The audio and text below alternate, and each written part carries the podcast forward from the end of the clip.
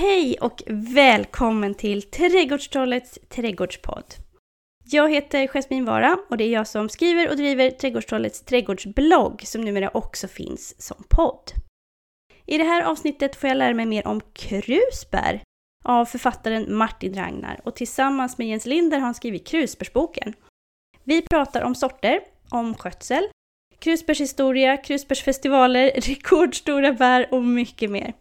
Som vanligt är det en hel del sortnamn att hålla reda på, så fram med papper och penna eller gå in på trädgårdstrollet.se så hittar du en behändig lista. Nu kör vi!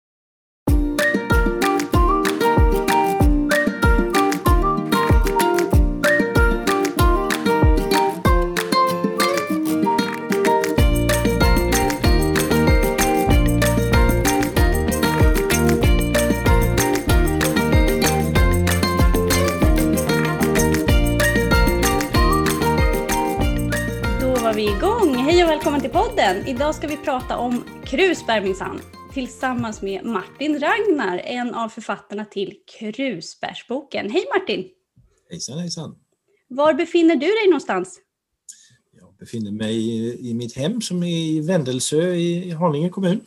Vad är det för växtzon där? Ja, sådär två kanske.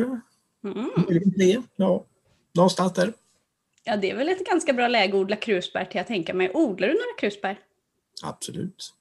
Och vad har du för sorter?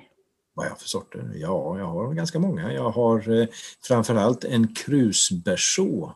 Det vill säga eh, en berså av eh, krusbärsträd eller stamkrusbär om man så vill med åtta stycken olika och så har jag en liten eh, trevlig eh, eh ja, sådär, eh, bord och stolar där inne så man kan dricka kaffe eller fika eh, mitt, mitt i den där eh, krusbärsån.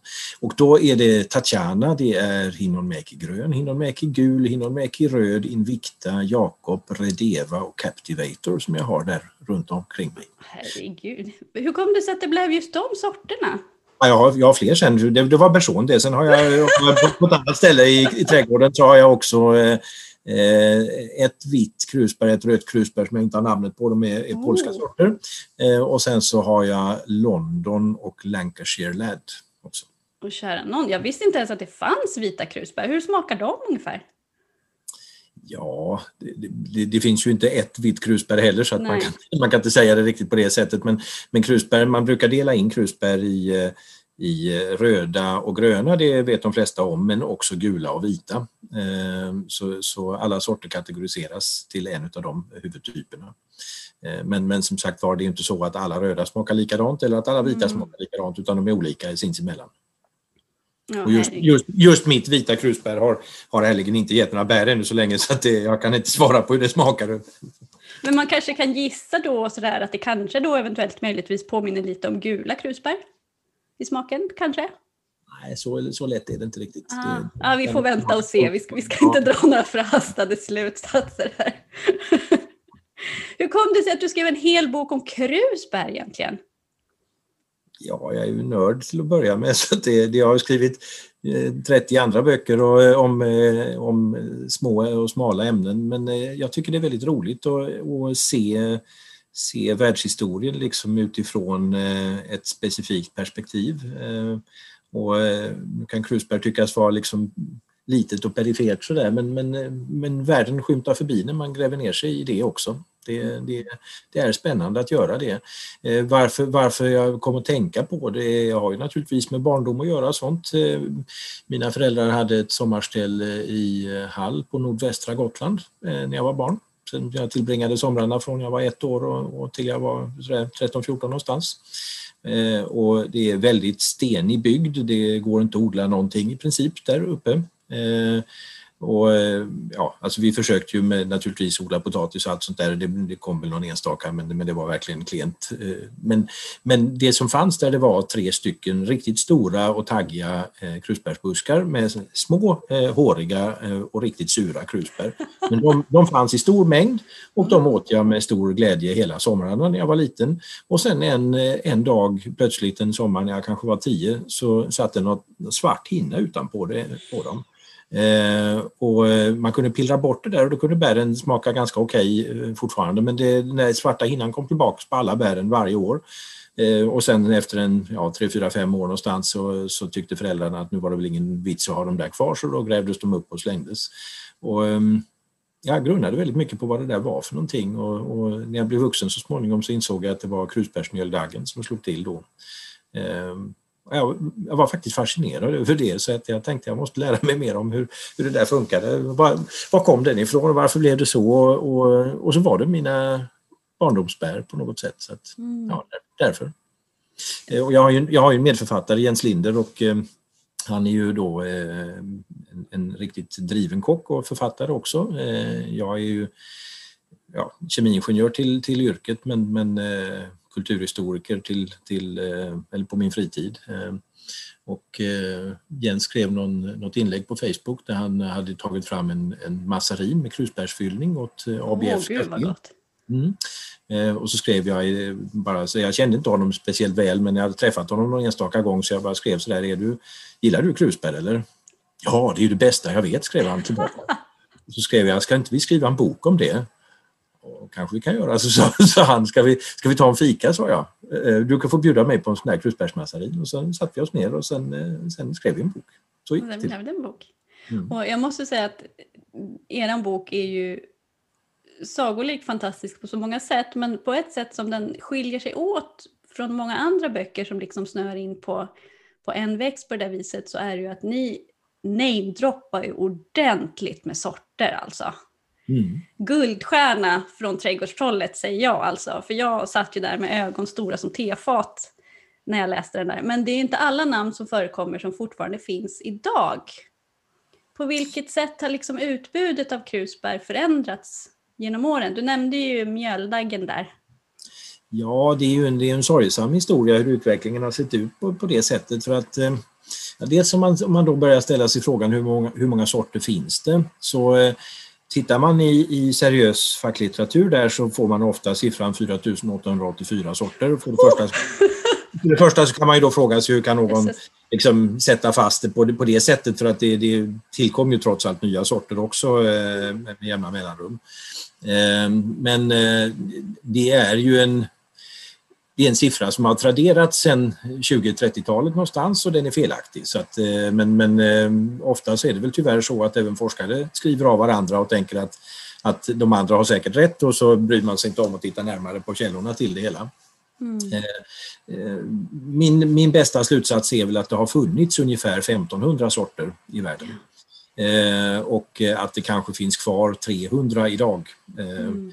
Och då, med sort då menar jag ju sån sort som, som är namngiven och som på något sätt finns eller har funnits i kommersiell handel. Eh, sen finns det självklart hur många sorter som helst ute i skogen som, som eh, liksom in, inte är intagna till domesticering. Eh, men varför det, eller är det få idag eller det, har det varit fler förut? Ja, det har ju varit fler förut, absolut. Och Krusbärsmjöldaggen har jag redan varit inne på. Det är alltså en, en sjukdom som slog till mot Europa år 1900 eh, och den heter egentligen den amerikanska krusbärsmjöldaggen. Det finns också en europeisk krusbärsmjöldagg.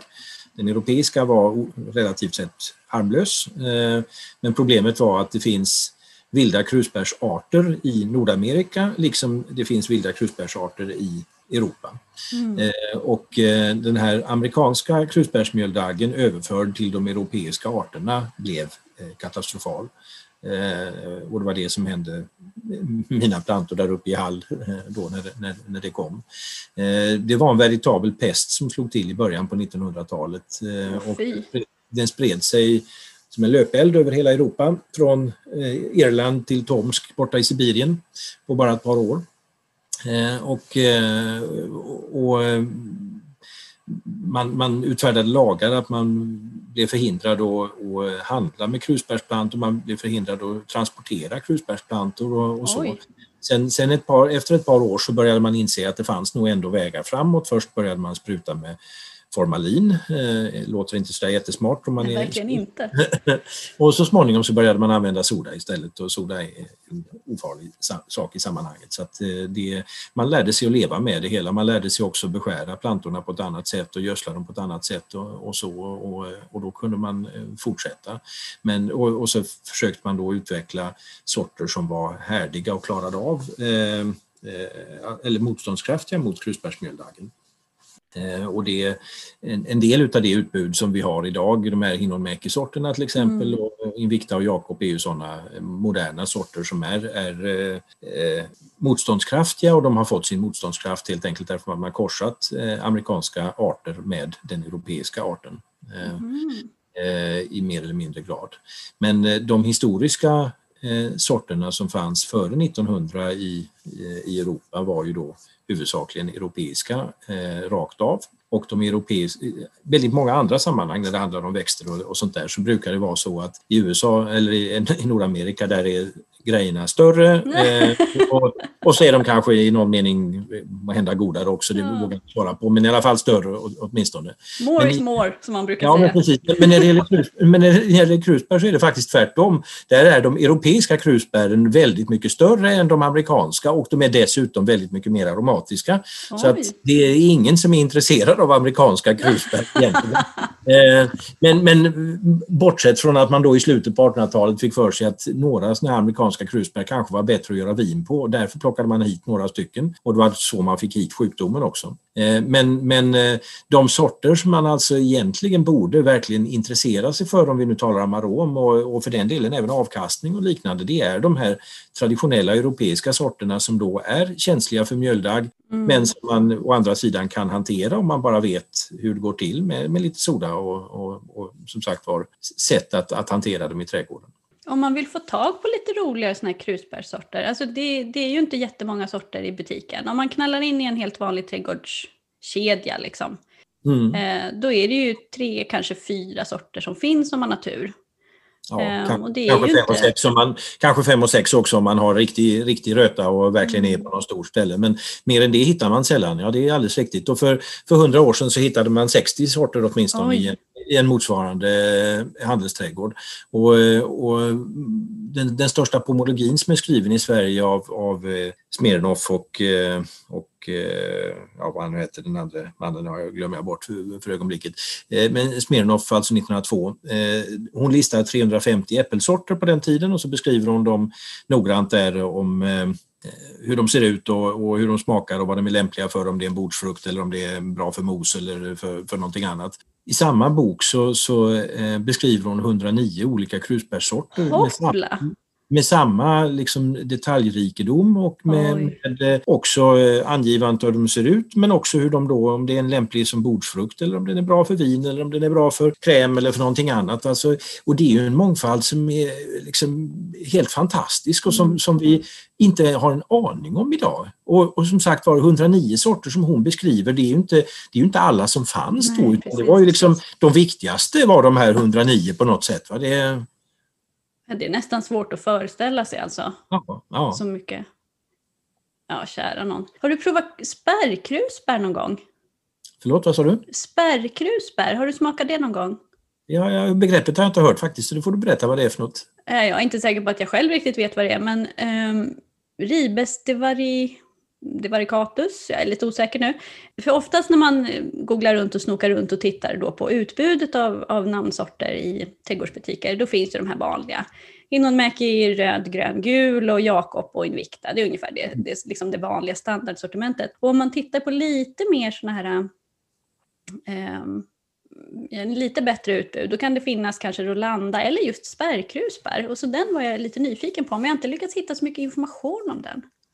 Nej, den har jag missat. Det, är alltså, den, den, den, det europeiska krusbäret heter ju då Ribes grossularia eller Ribes uva crispa. Eh, och, eh, de amerikan, och sen är det två amerikanska arter mm. som man har, har, gått vidare med. Och den ena heter Ribes oxyanotides eller något sånt där och den andra Ribes synobati. Synospati tror jag den heter. Eh, det, finns, det finns totalt ett tusental eh, olika krusbärsarter men det är de där tre som man har mm på något sätt domesticerat. Och eh, alla de här moderna sorterna som är tillkomna under 1900-talet är ju då hybrider mellan någon av de amerikanska eller båda de amerikanska och det europeiska och där, där man ju då försöker plocka in så lite av de amerikanska som möjligt därför att de ger då resistensen mot mjöldaggen men de mm. tar med sig liksom få andra positiva egenskaper in i det ursprungliga. Ja, herregud vilken soppa. Sen, sen, sen, finns det ju även det som heter Jostabär som, är, ja. Som ju är en korsning mellan krusbär och svartvinbär men det är ju liksom en liten annan utveckling. Ja, och den smakar ju nästan mer som svarta vinbär tycker jag. Alltså ja. om, man, om, man, inte vet om att krusbär finns i genetiken så är det nästan svårt att mm. känna det faktiskt. Precis. Men om man ska gå in lite mer på smaker då? Det är alltid svårt att svara på vad någonting smakar men, eh, men har du några preferenser vad gäller just smak hos olika sorter? Till exempel att du tycker att de röda krusbären är godare att göra paj på eller du hade ju ett helt gäng där i din berså. Hur kommer det sig att du har valt just de sorterna till, till din bärberså? Ja, det, är ju, det, är ju, det tråkiga svaret på det är ju att jag har, jag har letat efter allt som går att hitta. Eh, och så har jag köpt allt som går att hitta och så har jag stoppat ut det där. Det, det, det är det enkla svaret. Och så har jag några till då, alltså Lancashire, Laird och London. De hittar du inte i någon vanlig eh, butik men de har jag direkt importerat från England istället. Så det, mm. Men, men nej, det hur de smakar. Alltså jag önskar ju verkligen att jag hade den kunskapen men, men tyvärr, tyvärr så så får man ju förhålla sig till vad som finns och få tag på än så länge. Eh, och så får man göra det bästa utav det. det. Det man väl kan säga om smaken är väl att Alltså ingen, ingen går och nallar ett rött vinbär som inte är moget. Det finns, liksom det finns liksom ingen poäng med det. det eh, och, och, knappast ett svart vinbär heller. Va? Det smakar bara bittert och konstigt och, liknande. Men krusbär har man på något sätt en förväntan på att det ska gå att käka från juni och, och framåt och att det ska smaka likadant hela, hela sommaren.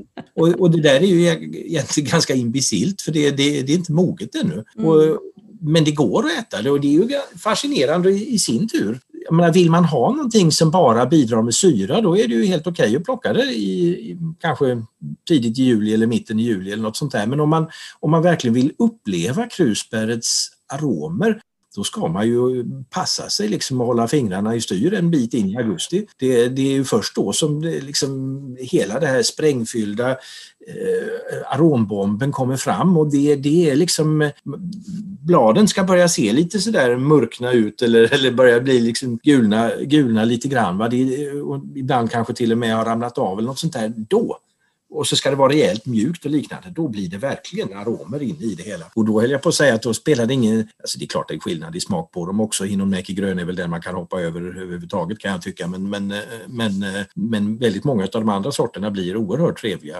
eh, då. Hinonmäki röd tycker jag är en god sort och det, det, är väl kanske så att röda sorter eh, ja, på något sätt liksom är lite mer spännande än de andra. Men eh, och när man talar om gula sorter så, så skiljer det sig ganska mycket åt om hur pass gula de är. Mm. Eh, och, jag menar, vita är ju inte vita som, som snö direkt utan de är ju liksom grönaktiga de med på något sätt och en del gula är lite grönaktiga med men, men eh, det finns ju gula som är riktigt knallgula och eh, ja, de, de, skulle jag gärna vilja smaka också. Hinonmäki-gula har jag testat, den tycker jag inte är sådär jättespännande heller. Men, men, eh, men det, Early Sulfur, Broom Girl och sådana här som har, har funnits tidigare, eh, eller som finns, finns naturligtvis kvar men, men som jag inte har testat, det är ju sådana man gärna skulle sätta tänderna i någon gång. Finns det någon sån här krusbärsnation dit man kan åka på semester och och smaka ja. sig igenom någon slags sortskatt? Det, det, det, det, tror jag nog man kan säga, på, på, svara på lite olika sätt egentligen. Eh, engelsmännen är ju de som verkligen har drivit upp eh, krusbären eh, eller utvecklat väldigt många sorter. Även tyskarna har gjort det men eh, det stora landet på eh, krusbärsodling nu för tiden är Polen. Jaha. Eh, de skördar 55 000 ton krusbär per år. Herregud. Och det ligger ju inte så här långt ifrån oss i alla fall. Så att eh, ner till Polen och, och upplev krusbärsodlingarna där tycker jag. Och, och sen eh, England naturligtvis. Så det finns ju, eh, en gång i världen så fanns det alltså 150 olika krusbärsklubbar där man, där man tävlade i vem som hade det största och, och eh, tjusigaste krusbäret, eller inte det kru, största och tjusigaste heller för den delen, för det är en massa olika klasser. Men, men eh, så idag så finns det väl 10-11 stycken sådana där krusbärs festivaler, tävlingar kvar fortfarande. Jag har besökt tre utav dem. Eh, och eh, där kom ju eh, gamla farbröder som ser ut som de skulle vara självskrivna huvudrollsinnehavare i Morden i Midsummer och så med, med, en luftad låda i, i teak som har gått i arv i flera generationer då och sen så är det med, med inredning och grejer i och så Oj. ligger de här krusbären där inne noggrant då så man, väger man upp de här då på, på guldvågar och liknande. Och där, där utvecklas ju, det är inte, de kör ju inte alls med de här vanliga sorterna som jag talar om nu utan då är det ju bara såna här gamla europeiska sorter som är mm. jättekänsliga för mjöldagg men som ju vårdas oerhört ömt och så utvecklar de fortfarande nya nya variant eller nya art, eller sorter därifrån också. An Archer eller Millennium eller några sådana här som ingen människa äter annars men, men eh, de kan, alltså världsrekordet på, på storlek på, på krusbär nu, det vet du vad det är för någonting eller? Nej, ingen aning, berätta. Ja, nej, men vad tror, hur stor tror du det är? Ungefär? Gram? Åh oh, gud vad svårt. Alltså kan det vara kanske som ett, ja jag vet alltså, ett litet plommon kanske? Jag vet inte. Ja, vad väger ett sånt eller? Jag har ingen aning. vad kan det vara? Jag, alltså, ja, alltså 30, 20-30 gram kanske? Jag vet inte. Nej, alltså det är, det är ju så häftigt så det är 65 gram. Nej, alltså det, det, det, är som ett, det är som ett stort hönsägg. Ja, det är ju som en liksom rejäl tomat. Ja, alltså det är ju det är helt fantastiskt. Det, och det där är ju häftigt med. Alltså det är ett, ett vilt krusbär eh, väger kanske 5 gram eller något liknande. Och när man började eh, på 1740-talet i England att, att eh, då, eh, odla krusbär med de här, eller, eller utveckla krusbärssorter eh, inom ramen för de här krusbärsklubbarna som, som bildades så eh, så eh, gick det ju väldigt fort upp så att redan 1852 så hade man världsrekord på över, över 50 gram. Eh, Herregud. 58 tror jag eller något sånt där man kom upp till. Men alltså vad matar de de där buskarna med? Det har de dopat dem? Liksom? Jag kommer till det, jag kommer till det strax. men, men, i alla fall en, en person som, eh, som så, såg den här utvecklingen framför sina egna ögon så att säga var, var en, en man som hette Eh, ja, vad är det han heter nu då? Eh, Charles Darwin hette han. Och, eh, han brukar man ju tillskriva att han såg på några Galapagosfinkar och, och, att han blev fascinerad över dem och så skrev han den här om boken om, om arternas uppkomst. Han själv skriver inte alls någonting om att det var några Galapagosfinkar som gav honom de tankarna utan det var krusbären som gav honom tankarna. Mm -hmm. Och, och, helt enkelt liksom, han fascinerades över att det här lilla oansenliga bäret som växte ute i naturen som vägde 5 gram plötsligt kunde väga över 50 gram. Eh, och det här var människans liksom, skapelse på, på några få decennier. Ja. Det fick honom att begripa att här, här har det ju hänt andra saker i, i världen också. Det, det, är ju häftigt. Och det är det jag menar att även om krusbär till synes liksom är ett perifert och ointressant bär så helt plötsligt så finns världshistorien där mitt framför den. Visst är det spännande att se på det, det så? Men det finns ingen svensk krusbärsklubb? Jo, eh, det, inte klubb, men det finns ju en krusbärsfestival i Skillinge. På, Österlen eh, sedan tiotalet år tillbaka. Eh, och eh, nu i coronatider så, så, har de inte, så körde de inte förra året och jag låter inte som att de kommer att göra det i år heller men, men därefter är jag säker på att de återkommer igen. Men, men där tävlar man också i eh, klasserna då grön, gul, röd och, och vit. Eh, och man eh, väger in det största bäret och sen så får man diplom och, och sådär och så spelar den en trevlig orkester och det är någon positivspelare där och man, man, de tävlar även med i, i mat. Det gör, det, gör de inte i England men i, i Skillinge gör de så att eh, du kan lämna in ett, ett bidrag där krusbär ingår i på något sätt. Det kan vara allt från en pizza till en chokladpralin till en öl med krusbär i och sen så eh, är det en tävling mellan alla de där grejerna och, och så blir det då Best in show på något sätt som, som eh, vinner. Det är jättehäftigt. Och, och, eh, alltså krusbäret har verkligen satt Skillinge på, på kartan, inte bara i Sverige utan även, även utanför eh, Sveriges gränser. Tänk, tänk vad kul det är när man vågar vara specifik. Istället för att säga att vi, vi startar en skördefestival här i Skillinge, det finns det hundra av eh, andra mm. i Sverige. Det är ingen människa som åker till Skillinge därför. Men när man startar en krusbärsfestival, då åker folk dit. Därför att det finns ingen annanstans i Sverige. Nej, men, och det är ju så häftigt det där med mathantverk också. Och jag funderar mm. lite på hur har man liksom... Alltså jag använder, för mig och jag tror för många andra också, så är nog krusbär framförallt ett efterrättsbär. Mm. Alltså är, man associerar det med någonting sött, man kanske har det på morgonfilen eller man gör en paj eller man gör en marmelad eller någonting. Eh, du nämnde vin och det tror jag inte det är så många som gör längre. Har man använt krusbär annorlunda förr i tiden än vad man gör nu? Ja, alltså det var ju eh, Nordens druva på, på, på riktigt en gång i världen. Vi eh, hade ju länge ett eh, mousserande eh, vin som eh, hette Knutstorp Sparkling som slutade tillverkas 1970. Det kom i en, i en eh, ska vi säga, efterfas här i början på, millennie, eller på nya millenniet också så det fanns väl mellan 2003 och 2008 eller något liknande också. Knutstorp, Knutstorp Sparkling var i alla fall eh, uppfattad som en svensk champagne. Den gjordes mm. lite varierande råvaror över åren men, men ofta vita vinbär, krusbär och rabarber i någon blandning. Eh, så att ja, absolut. Och historiskt sett, bröderna Bergius eh, som startade Bergianska trädgården en gång i världen, de tillverkade krusbärsvin och exporterade till Kina på 1700-talet. Önos eh, i Tollarp som är, kanske är känt för sylt av, av lite sådär halv, halvbra kvalitet nu för tiden startade en gång i världen som ett krusbärsvinföretag i början på 1900-talet krusbärsvin är, är jätteläckert eh, att göra. Ännu godare är det om man gör mjöd på det tycker jag. Alltså man tar honung och, och krusbärs, krossade krusbär och vatten och sen så låter det jäsa. Då får man lite, ja, lite rislingkänsla på det hela. Vad, vad, passar det att ha till om man liksom ska para ihop det med någon slags maträtt? Är det fisk eller är det grönsaksrätter eller är det just efterrätter kanske? Nej, nej, nej, men alltså en torr, torr Riesling sådär, lite, lite pärlande, lite syra i det hela. Va? Så, ja, en eh, fisk med lite, lite hollandaisesås eller något sånt där kan väl vara trevligt, kan jag tycka. Mm. Mm.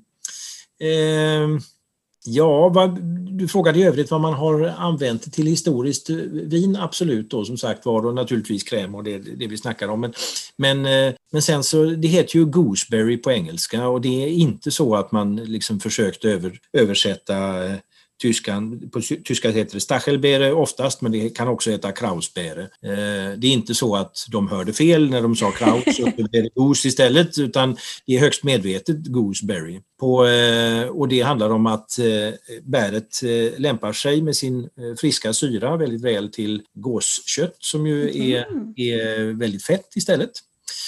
På franska så heter bäret Crosseilla maquereau och det betyder ungefär eh, makrillvinbär. Jaha, titta. Eh, och makrillen är ju också en väldigt fet fisk. Så att även där har man då ätit den här söta, eller vad säger, syrliga, friska syrliga eh, krusbären eh, i såsform tillsammans med makrillen. Det har vi även gjort på, på västkusten i Sverige historiskt. Eh, så att krusbäret hade en viktig roll även i det salta köket och inte alls i det, bara i det söta. Dessutom så tror jag väl att när det kommer till det söta köket så tänker vi ofta på att ja, eh, alltså sådana här saker som, som eh, kräm eller, eller sylt eller något liknande har väl folk ätit i alla tider, men det har de ju inte för att sockret blev ju liksom var mans egendom någonstans kring 1880-1890. Mm. Innan det är många dess, som glömmer det. Innan dess var det ju inte det, så att det, mm. det var ju inte så att våra far, farföräldrars farföräldrar eller kanske ytterligare en generation tillbaka satt och, satt och, och hävde sylt på, på pannkakor eller något liknande. Det, det skedde liksom inte. Men går man tillbaka då till den tiden så, så var ju krusbär ändå ett väldigt populärt bär och det har ju att göra med, med, flera saker. Dels så var det ju väldigt bra avkastning. Det, det finns inget som, som ger så mycket eh, bär på så eh, små grenar som, som krusbär gör. Dels så så går det ju att äta under ganska lång tid, även om det då sa att man ska helst vänta tills det blir riktigt moget, men, men det går ju att käka innan. Mm. Eh, krusbäret var med sina taggar också en ganska bra häckväxt.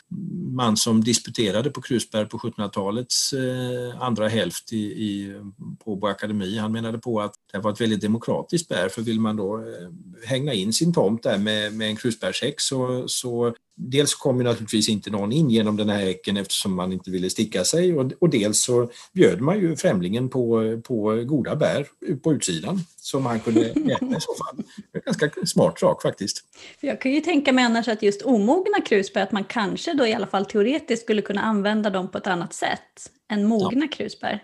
Ja, men absolut, det kan man ju, du får ju mer syra ur det. Men, men, vad, jag, men vad jag också skulle säga eh, där är ju att eh, krusbär kan, liksom lingon, men olikt alla andra bär som vi normalt sett talar om i Sverige, konserveras i bara vatten. Eh, det är ju häftigt. Eh, så att krusbärssylt gjorde man nog inte förr, men man gjorde definitivt vattkrusbär. Alltså man, man eh, hällde upp krusbären bara som de var i en glasflaska eller något sånt eh, och hällde på vatten utan att koka det, alltså bara kallt vatten. Och sen stängde man till, sen kan du stå så ett år. Oj. Och det håller sig. Det är en helt fantastisk metod.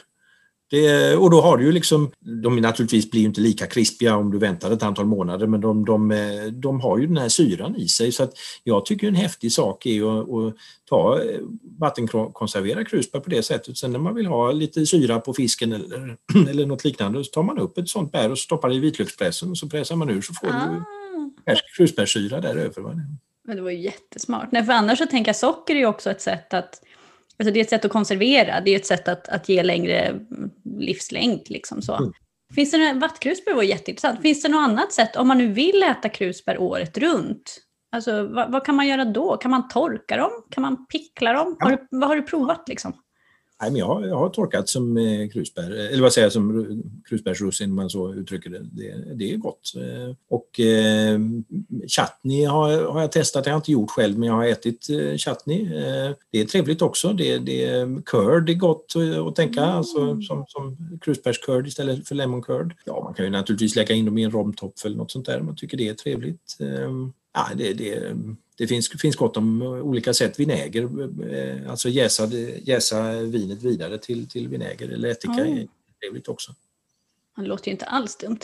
Nej. Alltså en vanlig fråga som jag ofta ställer, för det här med, nu när det är pandemi, eh, folk är, alltså odlingsintresset har ju formligen exploderat.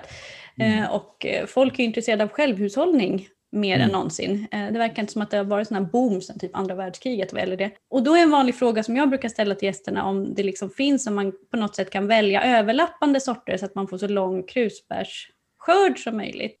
Och jag har verkligen försökt att läsa på om det här och jag har inte hittat något sånt. Det verkar som att nästan alla sorter ger skörd ungefär i juli, augusti. Ja, eh, det... Har du någon annan erfarenhet eller vilka, vilka krusbärs kommer liksom först i din trädgård och vilka är sist att ge skörd? Eller kommer de ungefär samtidigt? Jag skulle nog säga att de kommer ungefär samtidigt. Mm. Det, är ingen, det är ingen sån jätteskillnad. Det är det nog inte. Däremot, däremot om vi, det är kanske ett sidospår, men de där, de där eh, folket i England som, som håller på att tävla i krusbär. Vi var in, lite inne på hur, hur går det till egentligen att få fram ett sånt där jättestort bär. Man blir ju nyfiken alltså. Ja, alltså de, de, plockar ju bort, eh, de plockar ju bort väldigt många utav bären så de, på en buske så har de kanske fyra eller fem bär kvar bara eh, till slut. Eh, och för att få dem verkligen maxade till, till 100 procent. jag var hemma hos en, en läkare som bodde i någon, någon sånt radhus, typiskt brick, brick building i, i på engelska landsbygden och han ägnade två timmar varje dag från mars till oktober åt sina fem krusbärsplantor. Nej men gud! Och, och, och, och då, då, tänker man ju att det, han, han, ja nej men alltså vilken passion för det hela egentligen. Han som, han som eh, nu förlorade världsrekordet senast, eh, det, det gick över till en annan man här om det var 2017 eller något sånt där, världsrekordet slogs, eller 18 möjligen. Men han, han som var innan det, Kelvin Archer, eh, träffade jag också och han har haft världsrekordet vid ett tillfälle tidigare. Så sa jag, eller frågade jag vilken sort han tyckte var godast sa han, jag äter inte krusbär, jag tycker inte om det. Men, men, men, men han, har, han har alltså lyckats ta världsrekordet två gånger. Han måste ju bemöda sig till och med mer än den här läkaren som jag talade om som, som bara, bara tillbringade två timmar om dagen med sina plantor. Alltså det är ju viss hängivenhet får man ju Det är viss hängivenhet, det får man ju säga. Fast det tror jag, alltså överhuvudtaget om man ska plocka krusbär på taggiga grenar, då krävs det nog viss hängivenhet också, för de är ju inte helt... Eh, men det finns ju taggfria sorter, eller i alla fall hyfsat taggfria sorter. Ja, det, fin det finns. Man försöker ju dra utvecklingen ditåt, eh, men, men har väl inte kommit riktigt i mål ännu. Det, drivs, det, det här med, med sortutveckling i Sverige rent allmänt på, på fruktträd och bär är ju en sorglig historia. Det, det, Kimmo Rumponen gör vad han kan eh, där nere på Balsgård och, eh, och är en fantastisk eh, talang, eller talang, han är en fantastisk, fantastisk yrkesman men, men han borde ju multipliceras i gånger hundra för, för att faktiskt vidmakthålla och utveckla det svenska sortutbudet. Men just på krusbär så finns det ju då en annan herre, Åke Truedsson i Vellinge som mm också är nörd på området och han har ju utvecklat ett antal eh, nya krusbärssorter som, som ska vara på väg ut i handeln. Ja, de är nog inte ute ännu. Men, men Nej, de... Jag har inte sett dem än, men de kanske kommer. Han är ju alltså fantastisk. Det är många som tänker på Åke och då tänker de på Tomatklubben och Vitlöksklubben. Men eh, alltså, jag tänker ju på Åke som aprikoser och jordgubbar och vinbär. Alltså, Krusbär också. och krusbär nu också! Frågan är inte det. Han är allra, allra mest förtjust i Tatjana är ju hans skapelse också till exempel. Aha, titta, det ser man. Mm. Eh, och annars så, så bad du mig där att jag skulle vara lite, hålla på med lite namedropping. Sådana här sorter som jag skulle vilja odla men som jag inte odlar. Eh, det är ju Katarina Olenburg till exempel, en, en gammal fin sort som den, det var en bonde på en marknad i Tyskland som hade med den och, och sålde och så var det en svensk, svensk eh, sortutvecklare som var nere där på 1850-talet och köpte den här och även fick lov av bonden att ta rättigheterna till själva plantan och så blev det en jättesuccé på det där när han kom hem sen. Så att den sorten borde ju varje krusbärsnörd ha i sin trädgård. Statsrådet von Ehrenheim kan jag inte säga att jag har provat men, men bara namnet är ju fascinerande. Så man börjar ju undra vad var han statsråd, i, vilket, i vilken regering var han det och vad, vad gjorde han rent politiskt eh, sådär. Men eh, det kanske vore någonting att liksom servera på riksdagens öppnande. Statsrådet eller på. Nobelmiddagen eller ja, någonting. på. Nobelmiddagen. Roaring Lion. Oj. Ja, vilket namn! Det, det, man, det bara vattnas ju i hela munnen på en med en gång. Och så Early Sulfur har jag snackat om. Går vi tillbaka till till, bär, eller till sorter som är utvecklade i Sverige så röda syltbär är ju det, det klassiska eh, svenska krusbäret som är känt från 1700-talet. Eh, Landströms gröna, en annan sån här eh, äldre sort som, som jag eh, tycker man borde försöka titta på också. Scania, en modernare, modernare sort som är, är, är mjöldaggsresistent men, men säkert därför liksom inte, inte fullt lika intressant rent smakmässigt och ganska mm. små är men, men, eh, men ändå, ändå en, eh, har, har satt, eh, eller fått rykte om sig att vara odlingsvärd och intressant. Men, men Roaring Lion och Katarina Olenburg och statsrådet von Edenheim, det tycker jag man borde leta efter. Och Broom Girl. Oh. Men du har inga sådana här superplantskolor du kan tipsa om som du vet om har lite roligare utbud? För det verkar vara svårt att hitta. Jag har själv googlat mig fördärvad. Jag har inte hittat mycket annorlunda alltså. Nej, nej, det kan man ju inte. Det, man kan ju alltid ta och höra av sig till Nationella genbanken för de har ju faktiskt några av de här grejerna och Nationella genbanken i Alnarp har ju, eller ska ju, det deras syfte är att dela ut eh, sticklingar utav det utbud de har. Sen har de inte gjort det i praktiken men det, då får man gå tillbaka och säga att det är det som ni finns till för faktiskt, att ni ska dela ut det där gratis till den som är intresserad utav det, eller självkostnadspris eller något liknande. Eh, det, när jag var där nere och tittade på, på dem för några år sedan så var det en sorglig samling eh, buskar som fanns där som var halvdöda allihopa. Och hjälp! Men just därför så, så måste det uppmärksammas och just därför så är det viktigt att många hör av sig till dem och säger jag vill faktiskt ha en stickling utav den där eller den sorten. Mm. Det är ju enda sättet att komma vidare. Eh, Kålrotsakademin som eh, jag var med och startade 2015 och som då namnet till trots inte bara är intresserad av kålrötter utan eh, den svenska matens kulturarv i största allmänhet. Vi håller också på med en insamling för tillfället för att starta en egen genbank på krusbär. Just, vi har väl samlat ihop drygt 60 olika sorter vid det här laget. Wow.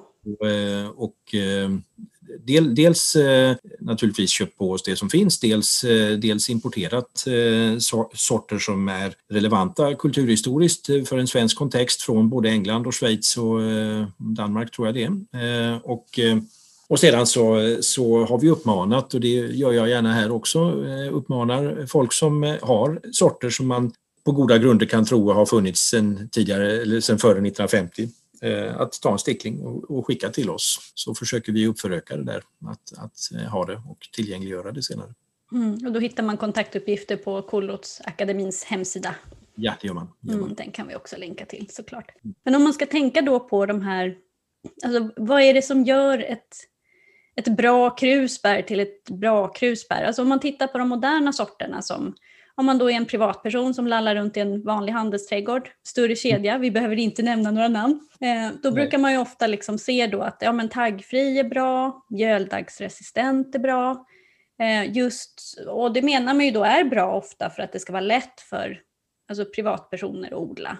Men om man då tänker tillbaka på de här andra sorterna som du nämner som kanske är lite mer känsliga för mjöldagg till exempel. Hur ska jag hantera dem annorlunda om jag nu får för mig att odla ett sånt?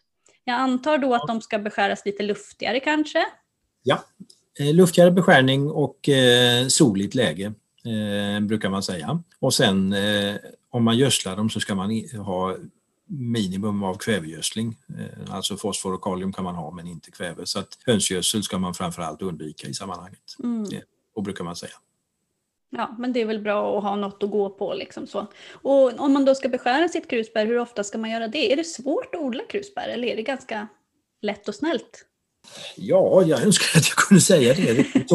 Jag, ehm, jag, jag, jag, tycker, jag är som sagt var kemiingenjör, jag är inte odlingsproffs eller, eller, eller så som du är. Men, men, det vet jag inte om jag är, men det, tack för komplimangen. Jag, jag, tyck, jag tycker det är lite sådär eh, lite lurigt.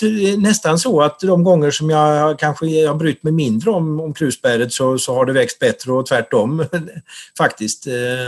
Ja, nej, jag, jag kan inte ge något sån här jättebra svar på, på hur man ska göra det hela. När det gäller beskärning så finns det olika skolor helt enkelt. Vissa skolor hävdar att man inte ska beskära alls och vissa andra hävdar att man ska beskära dem. Och, och sen så finns det ju som vi var inne på förut, buskar är ju det vi kanske tänker på först och främst men man kan ju naturligtvis också då ha dem som, som små träd eller, eller eh, alltså stam, eh, eller stamkrusbär istället. Och eh, även, även om man gör stamkrusbär så, så finns det olika skolor. Alltså, för tiden är det ofta en guldrips som man har som stam och sen ympar man eh, krusbäret ovanpå det. Men historiskt eh, och i Tyskland så, så drev man upp, alltså tog en, eh, en eh, gren och försökte få den som en, en stam uppåt och sen beskar den så att det blev som en julgran ungefär och, och kallade det för, för stamkrusbär och sen så fanns det sådana där man klippte av alla grenarna och liksom försökte grena den högre upp så att det, det finns lite olika idéer om det där. Det är till och med så att man, man vid något, i någon av böckerna jag har läst där i,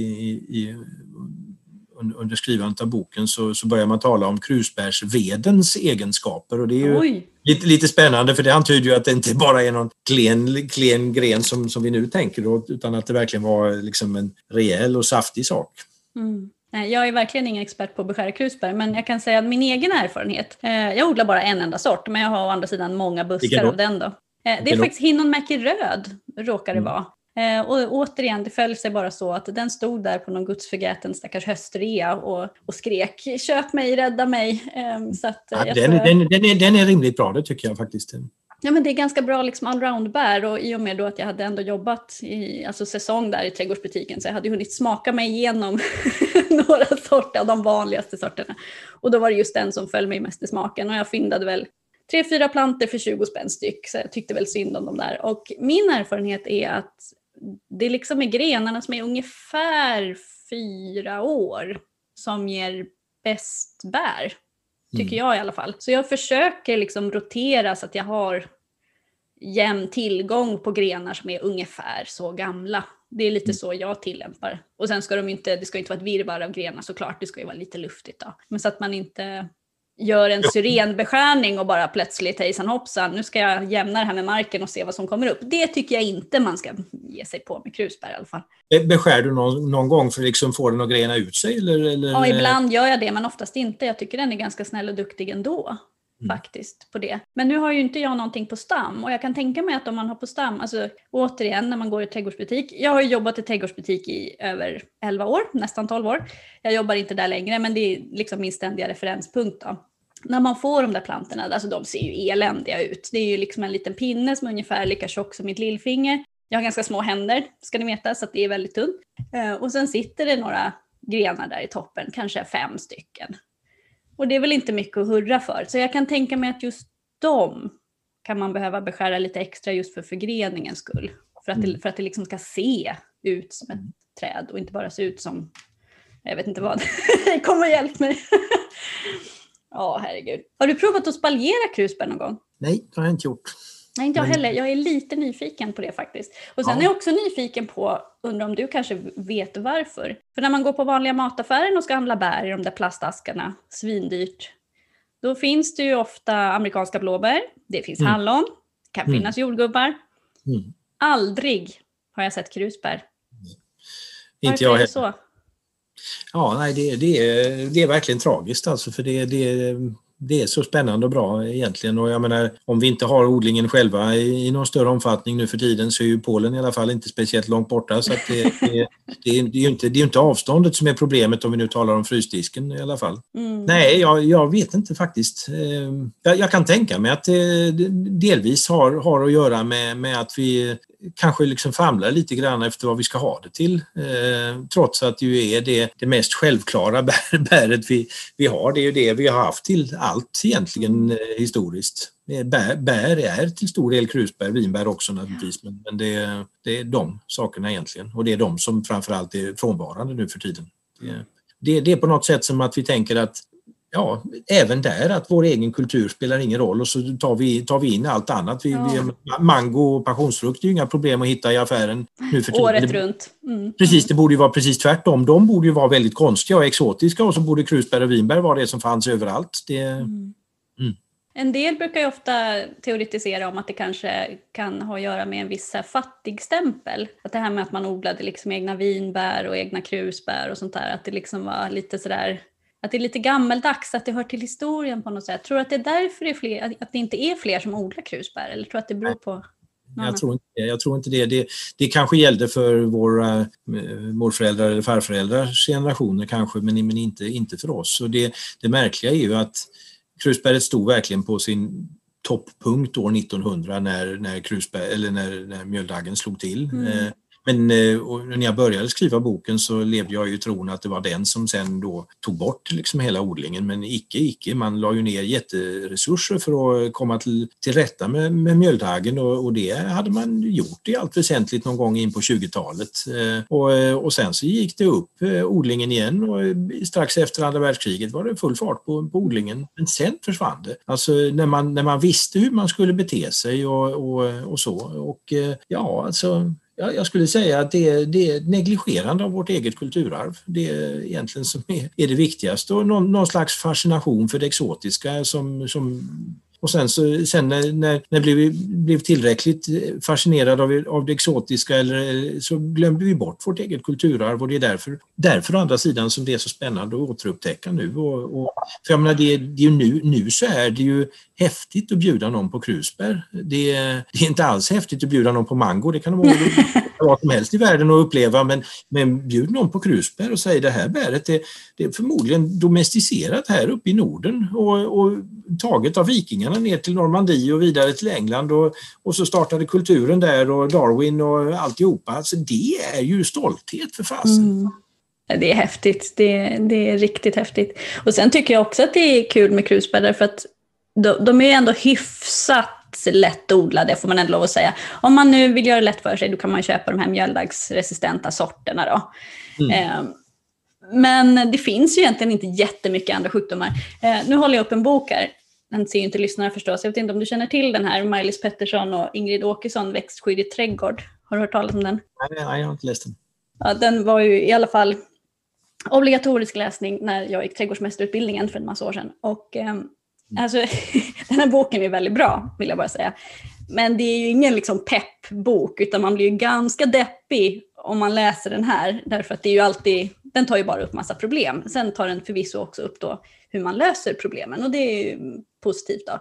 Men om man, om man slår på just krusbär i den här boken, då är det ju inte mycket grejer som kan hända faktiskt.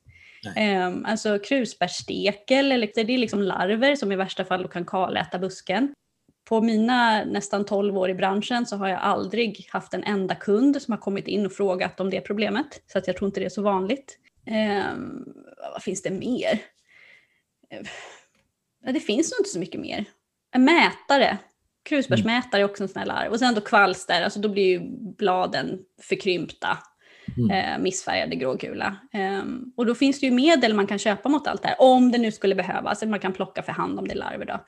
Mm. Kvalster får man spruta mot. Men, men det är liksom inte, utan det är ju den här mjöldaggen som folk nämner och vill man slippa den, ja då väljer man en resistent sort. Om man slår på jordgubbar till exempel, ja, då finns det sida upp och sida ner. Det finns massor med elände. Men sen finns det också sådana här moderna skadedjursproblem. Jag tänker Suzuki-flugan, är det någonting ni har pratat om? Nej. Inte? Nej, för jag, jag, är lite nyfiken på om den går på krusbär nämligen. Ingen aning. Ja, det verkar ju kanske som att den Alltså jag har inte fått några rapporter om att det skulle vara så än, så vi får väl hålla tummarna för att, Mm. för att det inte blir så. Men det verkar ju ofta som att det är, alltså det beror också på hur man odlar sina saker.